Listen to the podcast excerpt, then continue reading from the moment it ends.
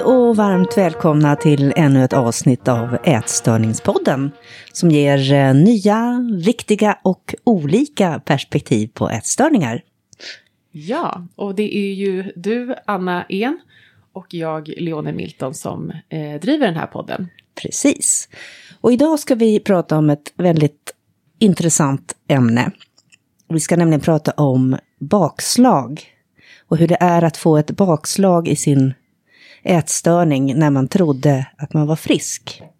Ja, ska vi också prata lite om det här med liksom återfall, vad skillnaden är mellan bakslag och återfall och, och sådär också kanske? Absolut, ja det kan vi göra. Det är och, jätteintressant och vi har ju med oss en gäst då också. Vill du presentera henne? Det vill jag jättegärna göra. Det är Hanna Kilander som är här hos oss idag. Och eh, Hanna har skrivit och arbetat med ätstörningar i många år. Eh, hon är utbildad beteendevetare. Och eh, hon har varit eh, väldigt öppen med sina ätstörningserfarenheter på olika vis. Så vi tänkte prata med henne om det. Ja, men då välkomnar vi Hanna. Varmt välkommen hit Hanna. Tack så mycket. Vill du berätta lite för oss, hur, hur var det när du blev sjuk? Ja, Eh, det, det, kan jag absolut göra. Det är lite sådär, eh, när, när blir man egentligen sjuk? Det är kanske den första frågan jag behöver ställa mig själv för att eh, kunna berätta om det. Men, eh, ja, men egentligen, man kan säga när jag var ja, 17-18 så var väl först då jag verkligen kanske fick en diagnos och var, vad ska man säga, i andras ögon sjuk. Men jag kan ju se att jag hade ett väldigt ätstört beteende ungefär från åtta års ålder. Um, och kanske att man idag, um, nu är jag 43 år, men att man idag hade kunnat um, se mina problem tidigare. Um, så det är lite svårt. Kanske, kanske blev jag sjuk när jag var åtta, kanske blev jag sjuk när jag var 16. Um, ehm, Vad gjorde du där när du var åtta som du kan i efterhand se? Um, att det var sjukt? Ja, något specifikt sådär? Uh, ja, men dels att jag uh, vägde mig väldigt mycket. Varje morgon, varje dag jag kom hem från skolan, varje kväll. Blev väldigt uh, fixerad över ja, min vikt och satte upp egna, hittade på egna små vad ska man säga, gränser för hur mycket jag liksom fick väga.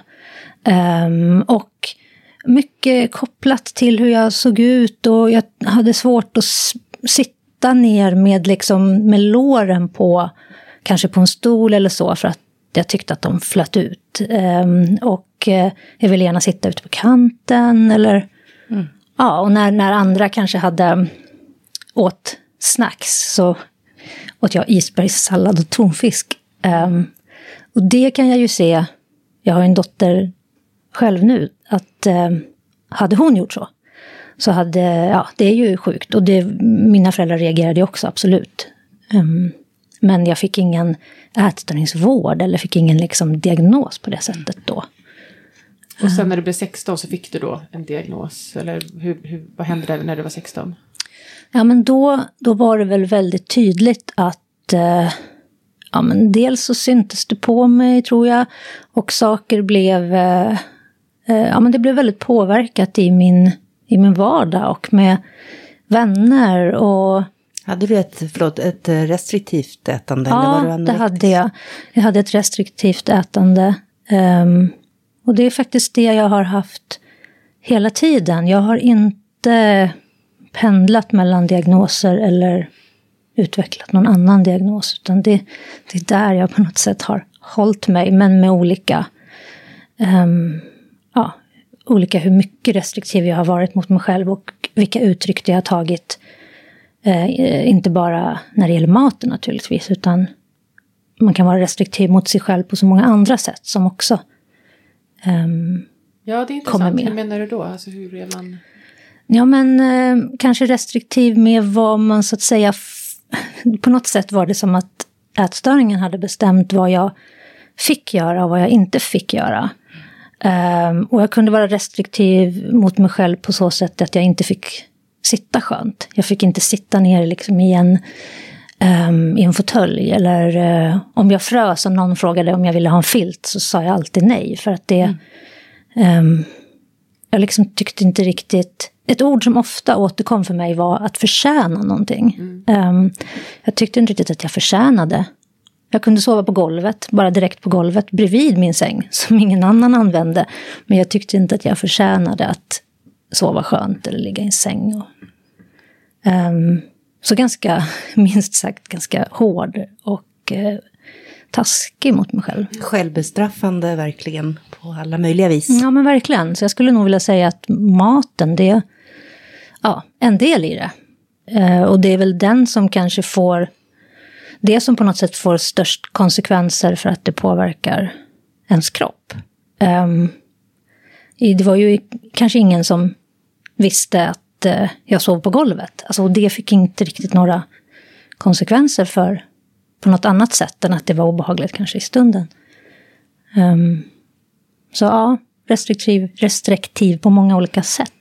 Men det där är ju jätteintressant det du säger med den här otroligt eh, elaka rösten. Eh, den kraften i det som får dig att liksom ligga på golvet. Det, det säger verkligen någonting om hur destruktiv den här sjukdomen är. Mm.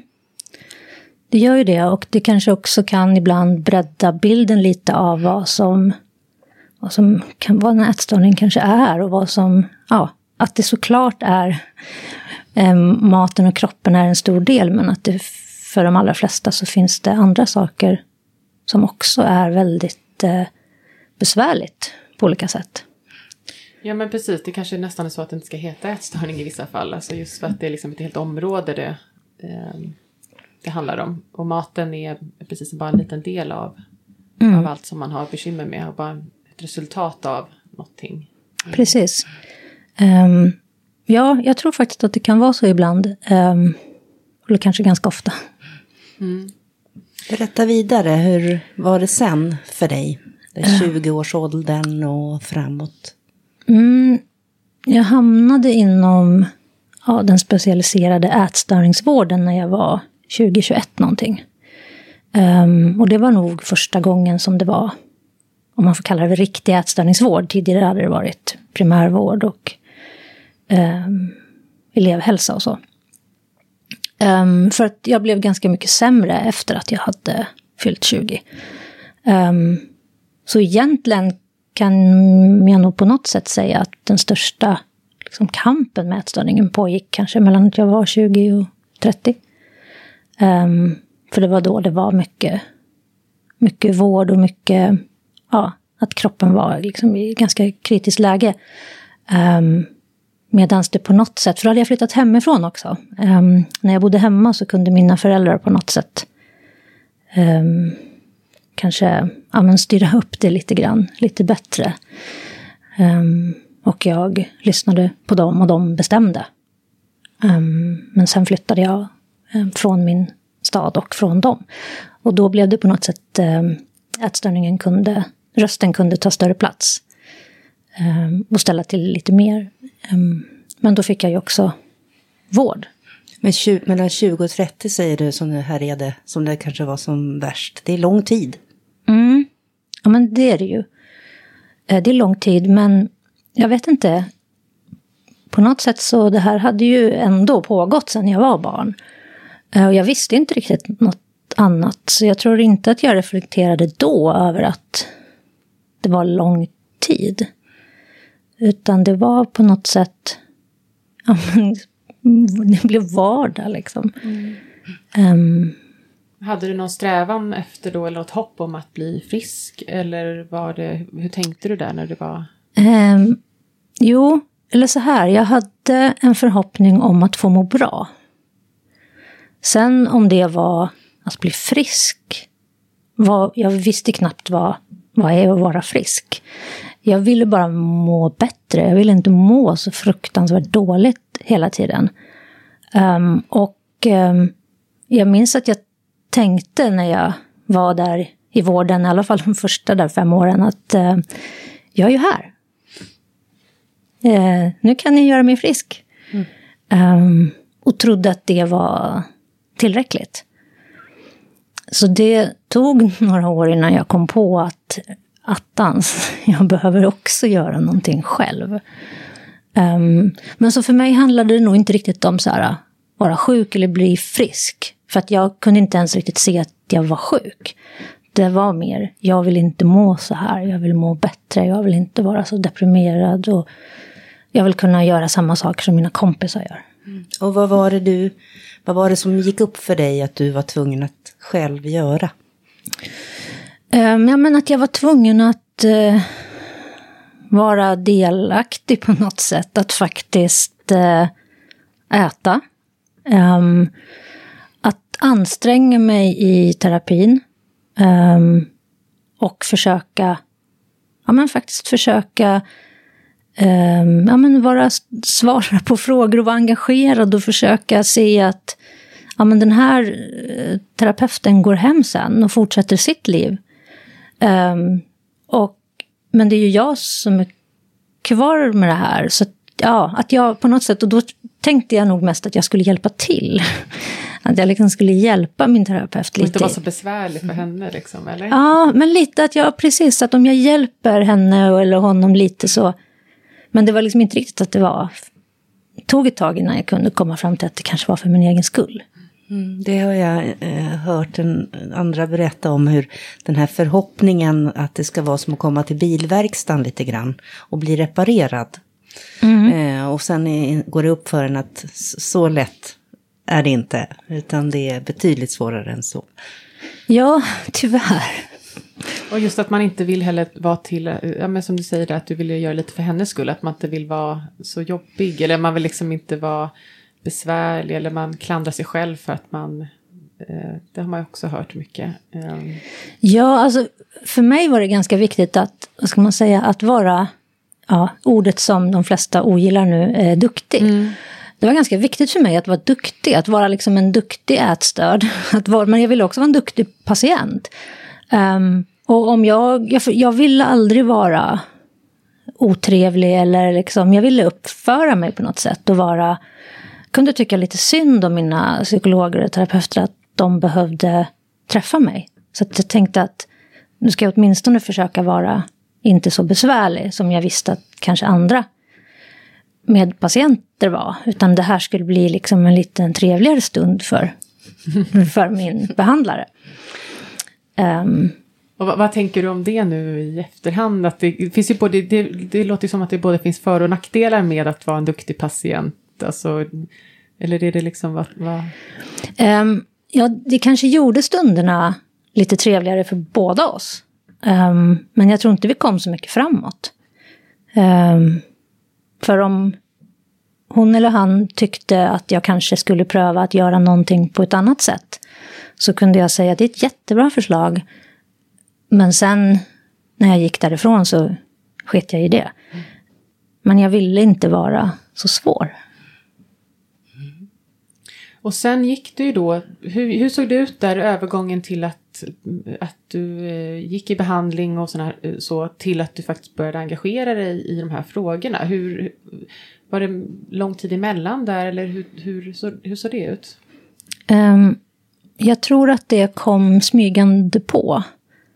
Um, genom att träffa olika behandlare, läkare, andra, andra sjuka personer. Um, så vi pratade ju mycket, både de, de andra patienterna som jag var där med, men också behandlare och sådär. Och sen så är det ju också skillnad på något sätt att vara 20 eller att vara 27. För att jag tror att jag mognade en del också under de här åren. Och eh, kunde kanske börja känna att fasiken, livet försvinner lite här.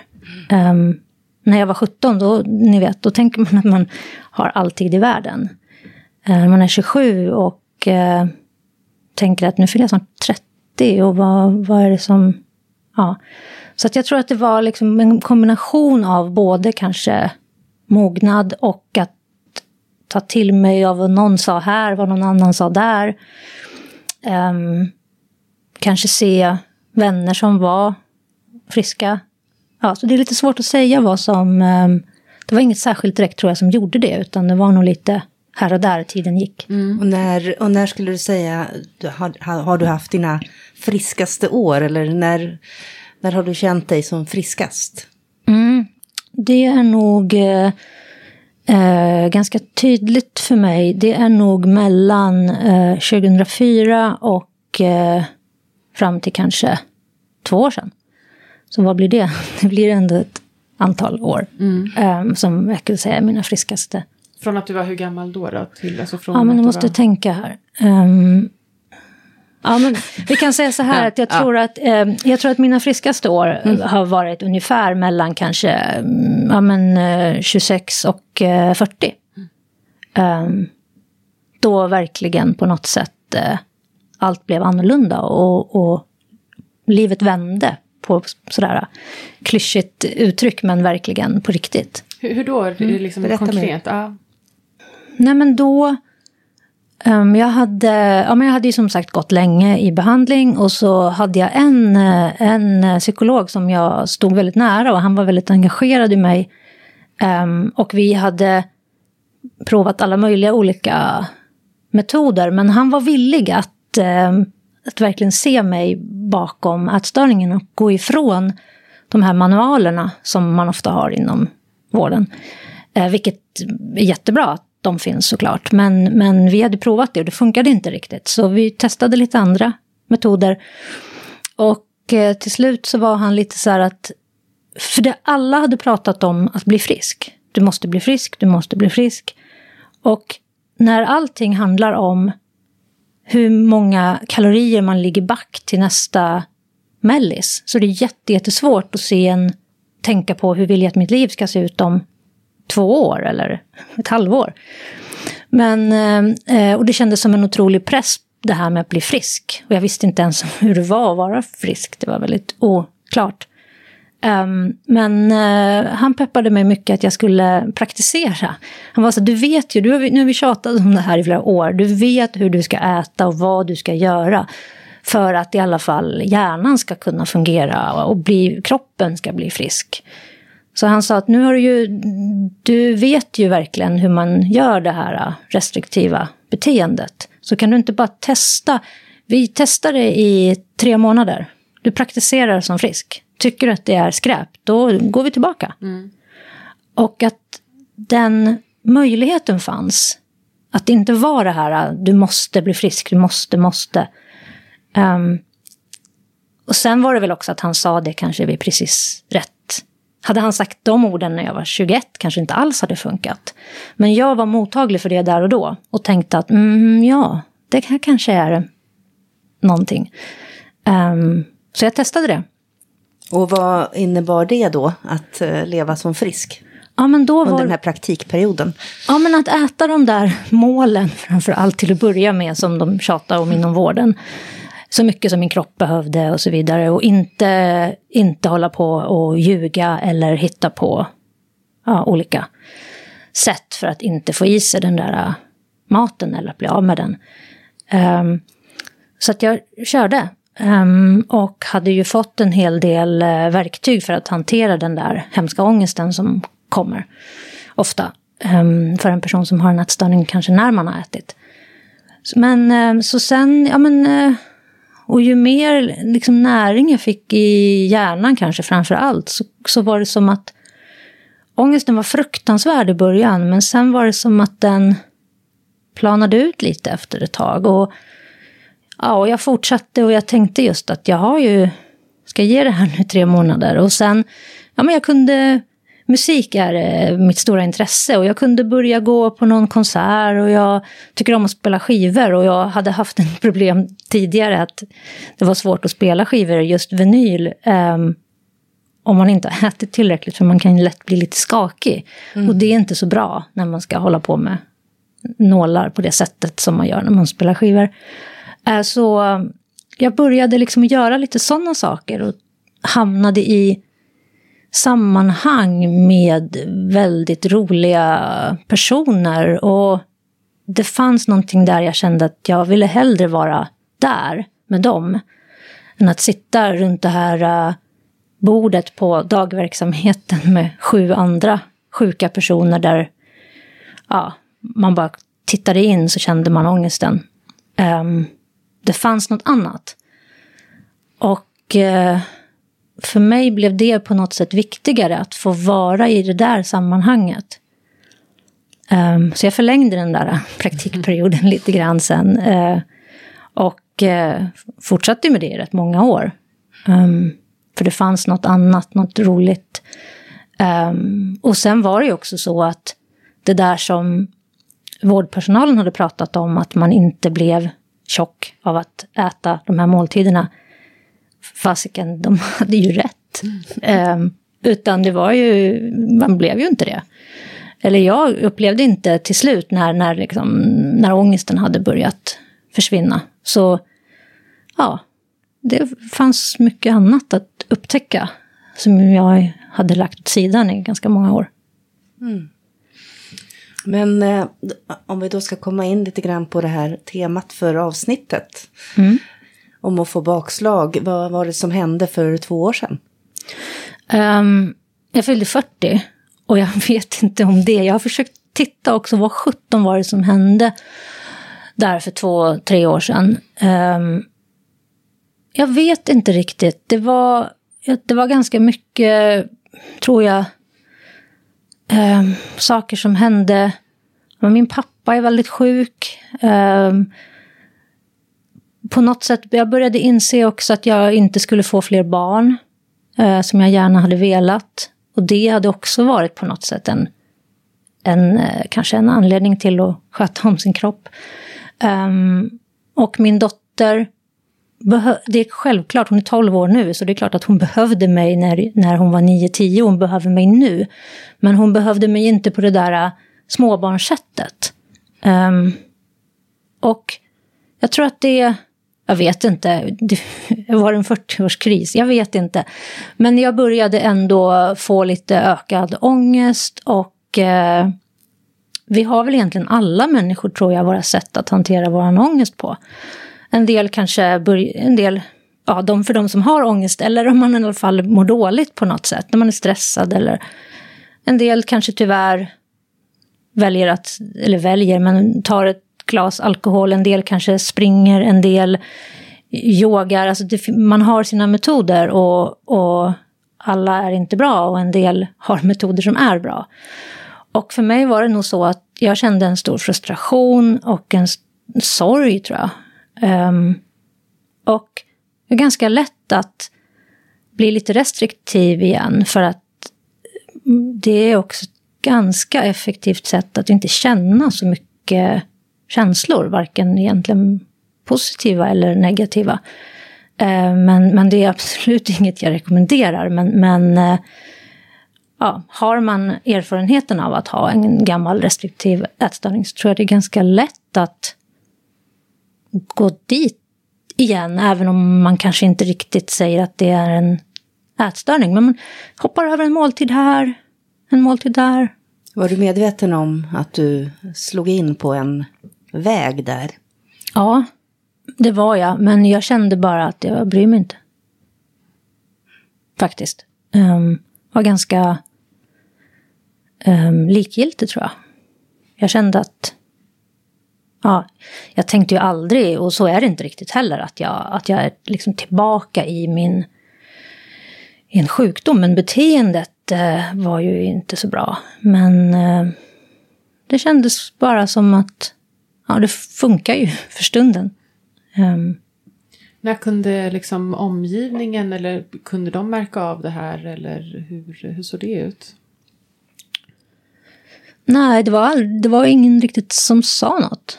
Eh, vilket också möjliggjorde lite för mig att eh, kanske fortsätta använda vissa metoder. Så. Um, utan det var mer lite som vanligt att folk vänder sig till mig om de känner någon som har en ätstörning och vill ställa frågor. Eh, och det, det... Nej, jag kände aldrig att det fanns en, någon som reagerade eller att det fanns en omsorg kanske. Eh, min dåvarande sambo och min mamma var ju de sen som sa kanske, du, vad är det här? Hur, hur, hur, var det, hur la de märke, var det liksom viktnedgång eller var det liksom beteenden eller vad var det som gjorde Både att de... och tror jag. Ja. Nej, precis, för du, du har ju liksom engagerat dig eh, Mm. mycket med eh, de här frågorna. Var det, och att folk vänder sig till dig just med råd och sådana här saker. Hur, hur känns det när man har den bakgrunden att då få ett eh, bakslag eller och så? Ehm, pinsamt. Fruktansvärt pinsamt. Ehm, kanske till och med djupare än pinsamt. Det känns ganska... Jag har känt ganska mycket skam faktiskt. Um, jag vet inte, när jag var yngre och var, och var liksom väldigt sjuk. Jag kände väldigt mycket känslor då, men jag kände aldrig skam. Um, men det gör jag nu, trots att jag tror att jag, det är... Ja, du var inne på att vi... Ja, vad är skillnaden på bakslag och återfall? Och det här är nog ett bakslag. Men ehm, eh, mycket skam. Ja, Varför det tror du? Ja, men nu är jag ju som sagt 43. Jag har en 12-årig dotter. Eh, vill naturligtvis vara en bra förebild. Eh, skydda henne på alla sätt jag kan. Men sen, eh, som du också sa, så har jag ju jobbat med de här frågorna och varit engagerad i många år. Ehm, och då har det känts som att eh, det här är absolut ingenting jag kan berätta för någon om eller jag kan inte... ehm, det har kändes viktigare att sköta det snyggt, eller hur man ska säga. Sköta något dåligt snyggt, hur nu det är möjligt. Men eh, medan när jag var yngre var det nästan mer så att jag ville att folk skulle reagera och se. För då kände jag mig lite som att ja, ätstörningen blev lite lugnare av det. Um, att jag på något sätt hade lyckats i det sjuka. Um, Men är det för att vi liksom också kanske generellt pratar för lite om att, eh, att det, just att det är, att man, att det här, det, det är en sån tydlig linje idag kan jag uppleva mellan att vara sjuk och, eh, frisk och sjuk. Um, och att har man kommit över till på den friska sidan då ska man på något sätt stanna där och då är allt lyckligt. Men att det, man kanske egentligen borde se det som att man, jag vet inte, någonting annat. Alltså är, vi, är vi där, att, det- är det en del av skammen? Att det kanske liksom inte... Men, men är det inte så att eh, alltså, a, a, för alla verkar det ju mer eller mindre som att tillfrisknandet är en process. Med, med, det går fram och tillbaka, det är en gråzon, en, en, en sankmark eller vad man ska säga. Men ehm, det finns ju en, alltså, det finns ju den här önskan om att, att ett, om ett tydligt slutdatum. Och att det är någonting väldigt eh, jobbigt i att kanske behöva inse att det, det, det finns inte den där tydliga gränsen. Nej, och jag tror att det är just det. Vi, vi började ju egentligen det här avsnittet med så här, när, när blev du sjuk? Och det är väl lite samma sak, men när blev man sjuk och när blev man frisk? Eh, Och vad är det att vara frisk? ja, Vad och, säger du? alltså det finns väl, tänker jag, två saker i det. Dels finns det när du är så att säga frisk enligt vården, därför att du inte uppfyller tillräckligt många diagnoskriterier eh, för att ha den här diagnosen. Är man frisk då? Vet inte. Eh, men, eh, men man kanske ändå inte får en, en eh, diagnoskod i sin journal. Så det är ju väl en sak. Men sen, och det är ju därför också som jag vet att eh, ja, men organisationen eh, Frisk och Fri, som är Riksföreningen mot ätstörningar, har ju också det här i namnet Frisk och Fri, för det kan vara lite olika saker. Frisk kanske är när vården säger att nu har du inte den här diagnosen längre. Men fri, det är kanske ett steg längre. När man faktiskt känner sig fri från den där ätstörda rösten kanske. Att man är fri att leva sitt liv och göra vad man vill. Ehm, så har nog jag sett på det. Och det är Samtidigt säkert... så är det ingen garanti att man inte får ett bakslag igen. Nej, jag tänker att det något sätt är... Bryter du benet så kan du faktiskt bryta benet igen. Till och med samma ben. Ehm, ja, det, är, det jag menar, det är ju, tänker att om man skippar de, de eh, rena fysiska eh, sjukdomarna eller olycksfallen så kan, tänker man om någon har fått till exempel en depression. Det vet man ju att det är ganska vanligt att det återkommer igen. Eh, och även om man har fått behandling för det så tror jag, eller upplever jag från de jag har, vet som har varit drabbade, att det inte alls är samma skam över att man har fått tillbaka det. Eh, det kan vara fruktansvärt naturligtvis på alla möjliga sätt, men kanske inte riktigt lika skamligt som den som får bakslag eller återfall i en ätstörning. Mm. Och det, alltså, det är ju så bra då att du berättar. Verkligen. Vad fick dig att ändra dig från att tänka att det här ska jag absolut inte säga till någon till att du nu berättar om det här? Ja du, det är faktiskt en, en bra fråga. Jag tror jag kände till slut nej. Alltså, här har jag hållit på hela livet och försökt vara perfekt. Liksom. Perfekt eh, sjuk, perfekt patient. Eh, jag vet inte, försökt på något sätt leva upp till massa krav. Och jag tror jag är ganska less. Och jag tänker att eh, jag började prata med några gamla eh, och, ja, personer som jag lärde känna inom vården tidigare. Och vi har pratat en del och jag har förstått att det har inte varit så spikrakt för dem heller. Och eh, vi pratade lite om det, att vi kanske behöver lyfta det här att eh, ehm, det kan hända. Um, sen vet jag fortfarande inte riktigt, och det vill jag nog få sagt, om jag, om jag har ett återfall eller om jag har ett bakslag. Um, eller om det är vad det nu är för skillnad. Ehm, min situation är inte alls som den var när jag var yngre. Nej. Och det, det tror jag också är vanligt just att så starkt som det var när man var tonåring, eh, det blir det kanske oftast inte när man blir äldre. Eller det är bara min, det är bara min känsla när jag pratat med, med människor som får Jag tänker, vet vi egentligen, eh, eller vet någon var gränsen går mellan återfall och bakslag? Ja, eh, min, min, min eh, bara amatörmässiga känsla är ju att ja, men återfall, då är man, blir man svårt eh, sjuk tillbaka där kanske, som du säger, där du var en gång i tiden. Mm. Bakslag är mera alltså, på vägen dit, men återigen rör vi oss i i en Mm. gråzon, det, går, det finns inga skarpa gränser. Precis så. Ehm, och då kan man nog tänka att det, då är det nog ändå ett bakslag utifrån ditt försök till att definiera vad skillnaden är. Men, men som sagt, det är ju det är gråzoner, men eh, det är inte... Ja, det är inte svart och vitt helt enkelt. Och just i, eh, idag då, hur mår, du, hur mår du nu? Är du liksom, är du mitt i, i den här destruktiva snurren? Mm, det är jag nog. Um, men det är också på något sätt nu, uh, och det har ju, har ju vi alla tre som sitter här mycket, man har ju så mycket mer kunskap och vet så mycket mer än uh, om allt egentligen. Både om hur en ätstörning funkar, om hur ångestkurvor funkar, om hur världen funkar. Vi är äldre. Mm. Um, men uh, för jag upplever att jag visste inte lika mycket när jag var yngre. Nu är det som att jag vet alla de här sakerna. Men jag skiter lite i det. Alltså det är som att den där ätstörda rösten har kommit som någon slags liten... Eh, vill hålla på och riva runt lite och revoltera lite. Och, ehm, och jag har dagliga diskussioner och samtal med den här rösten, om man får kalla det för så, som pågår i mitt huvud naturligtvis.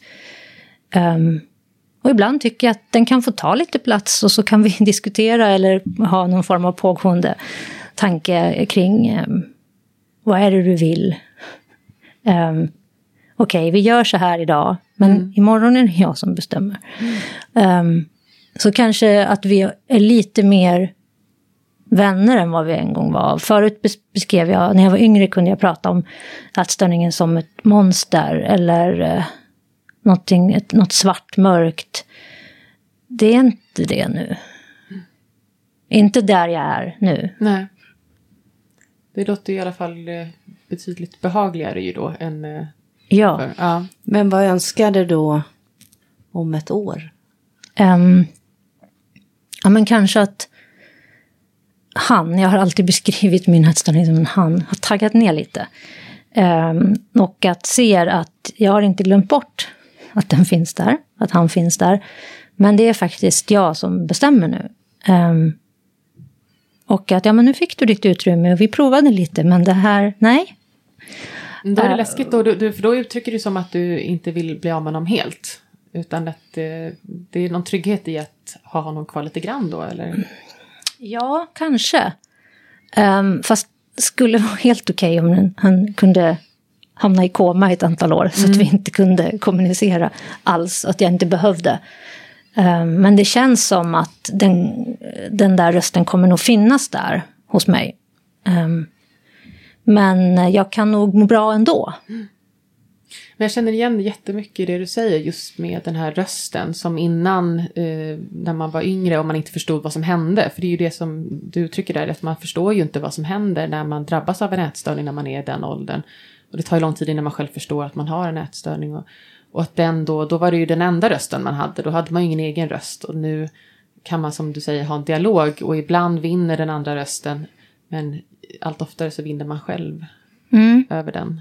Eh. Ja, jag tycker det också. Sen på något sätt så här, ja men det är liksom inte, det är inte kriminellt att ha en ätstörning. Det är Nej. inte så kul, men det är inte kriminellt liksom. Och det, på något sätt är det nästan så här, vill jag ha det så får jag ha det, mm. men jag rekommenderar det inte någon annan. Och Nej. jag vill inte, absolut inte att den här äh, rösten ska ta större plats, för då kan det nog bli äh, värre. Mm.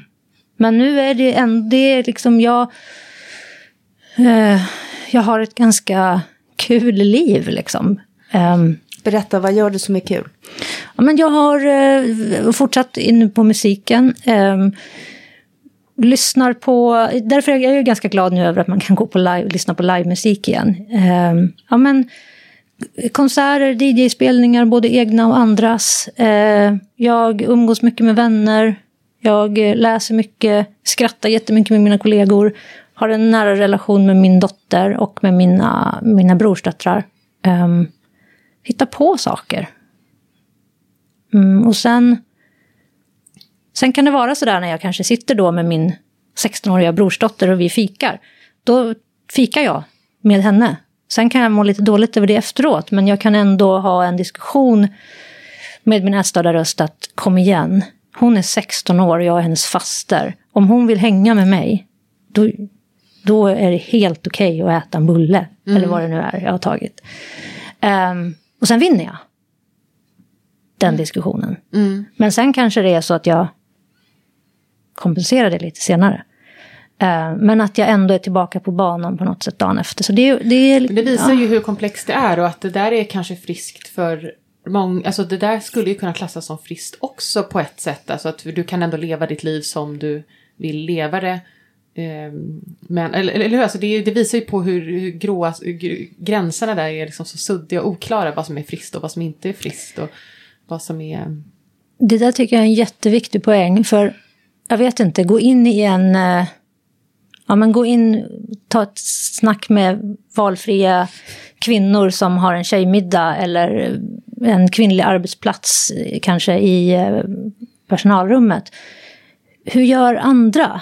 Och det verkar ju tyvärr som att ganska många som äter en tårtbit på något sätt känner att då ska de ta en liten lång promenad sen på kvällen. Och är det friskt? Ja. Är det sjukt? Jag vet inte. Nej. Eh, men jag tänker att i slutändan så handlar kanske allt om ja, men hur, om ens liv fungerar och hur man mår. Och, ja, på något sätt. Ja, för det är ju så att just eh, som många av oss eh, fick vi ju liksom ätstörningen tidigt. Och jag, jag känner igen mig mycket i det du berättade här med att du var åtta och redan där kan du hitta beteenden. Och jag började fundera på vad jag själv hade för beteenden när jag var i den åldern. Det var ju mycket jag stod och tittade på mina lår och eh, mycket sånt där som liksom var någon slags på väg in i det där.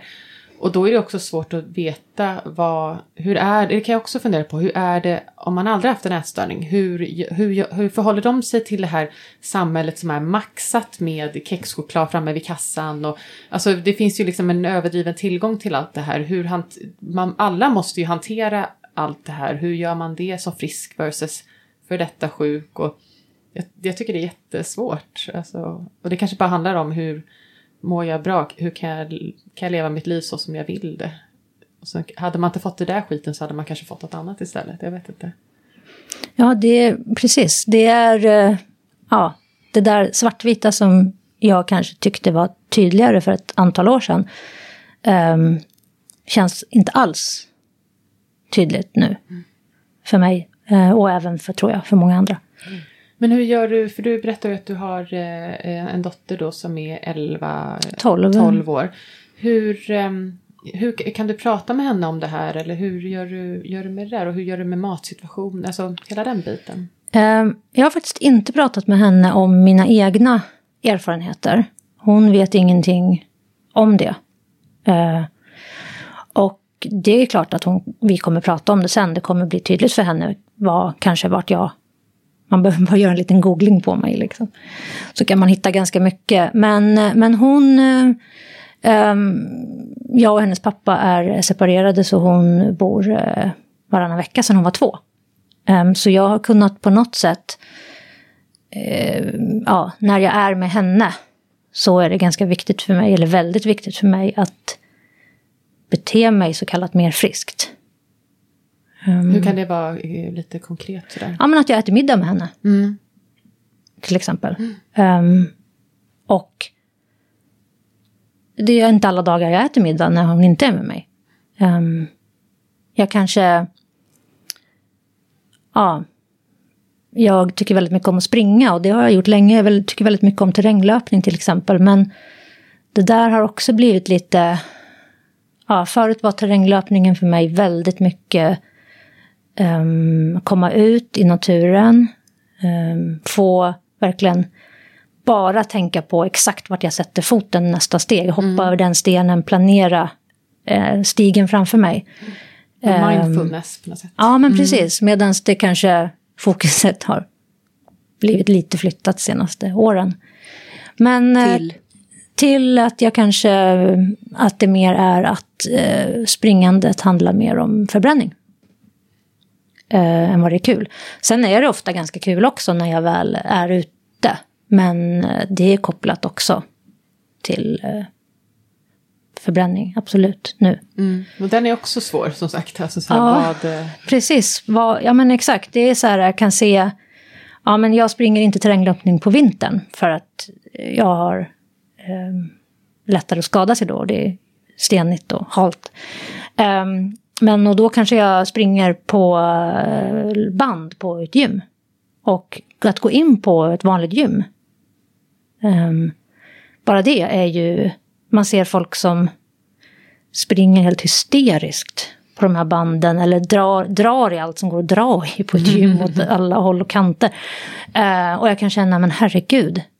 Uh, gud vad jag är mycket friskare än de här människorna. Mm. Um, och jag är den som kanske har lägst tempo på det här bandet. Man, det är svårt att låta bli att kolla vad de andra har för, ja, tyvärr. Mm. Men äh, ja, så att jag, ja. Men du, trän, du började berätta i relation till din dotter, är det så att du tränar mindre veckorna du, hon är hos dig? Absolut, mm. så är det.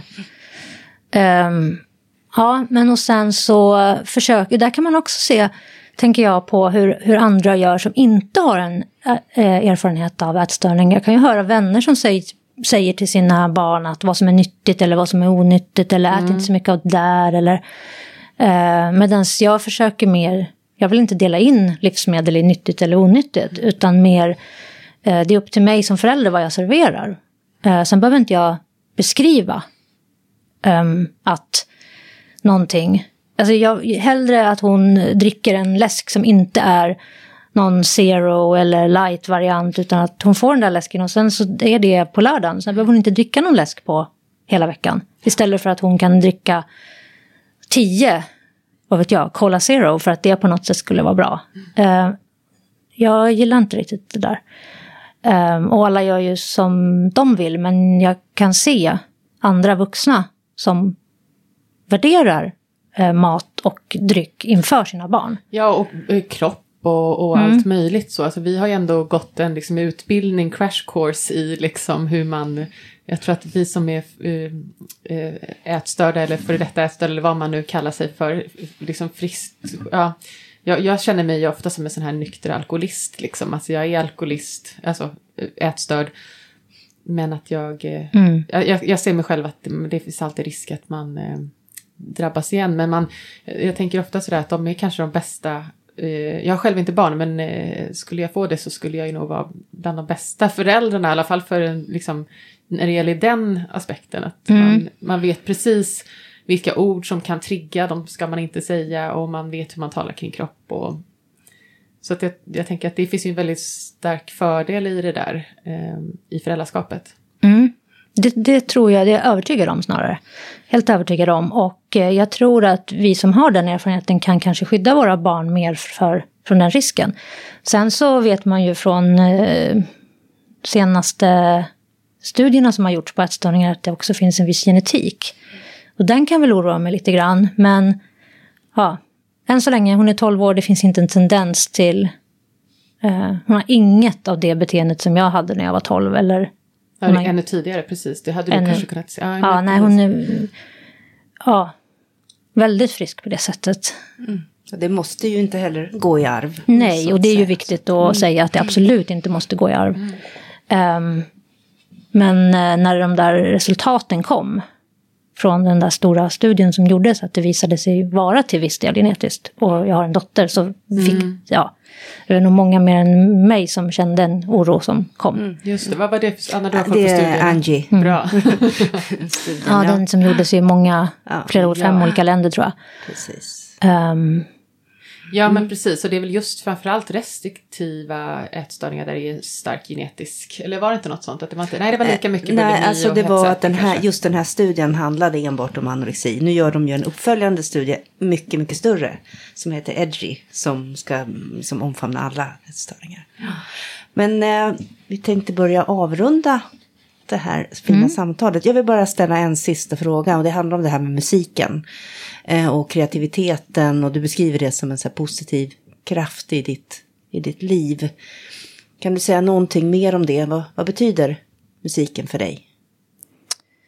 Eh, vad betyder musiken? Ja, men massor. Det är, eh, det är mitt sätt för allt. Att är jag glad så finns det musik jag lyssnar på. Är jag, in, är jag ledsen, är jag... Men för alla olika känslolägen så, har jag, så är det oftast musiken som kan hjälpa mig på något sätt. Genom det, eller peppa upp mig mer. Eller, ja. Och jag kan ha, ja, men när jag var väldigt, väldigt eh, sjuk där så var, kunde jag ha så här att ja men det där bandet släpper ett nytt album om tre månader. Det betyder att jag måste leva om tre månader. för att jag ja. Kan inte dö här innan jag har hört hur det blev. Ah, wow. Ehm, Så det har haft väldigt stor betydelse. Och också att mina vänner, majoriteten av mina vänner har samma musikintresse som mig. Så att vi är liknande. Så att vi möts oftast liksom genom musiken. Många är musiker och, och vi har kul ihop. Ehm, och musiken ger väldigt mycket. Så ja, det är nästan så att jag skulle kunna säga så här, om jag inte hade haft det där stora musikintresset hade jag inte levt. Men då kanske jag hade haft något annat. Så ja, att man vet så, inte. Ja, så var det musiken som, Mm. som räddade. Det känns som att det var musiken som räddade, räddade mig. Hanna Kilander, tack så hemskt mycket för att du kom till Ätstörningspodden. Tack så jättemycket för att jag fick komma. Tack så mycket. Tack. Ätstörningspodden görs av Juniperus förlag i syfte att sprida kunskap om ätstörningar. Och har ni idéer, tankar, kommentarer, funderingar, förslag på ämnen vi ska ta upp så mejla gärna till podden at juniperusforlag.se så är vi jätteglada för det. Tack och hej!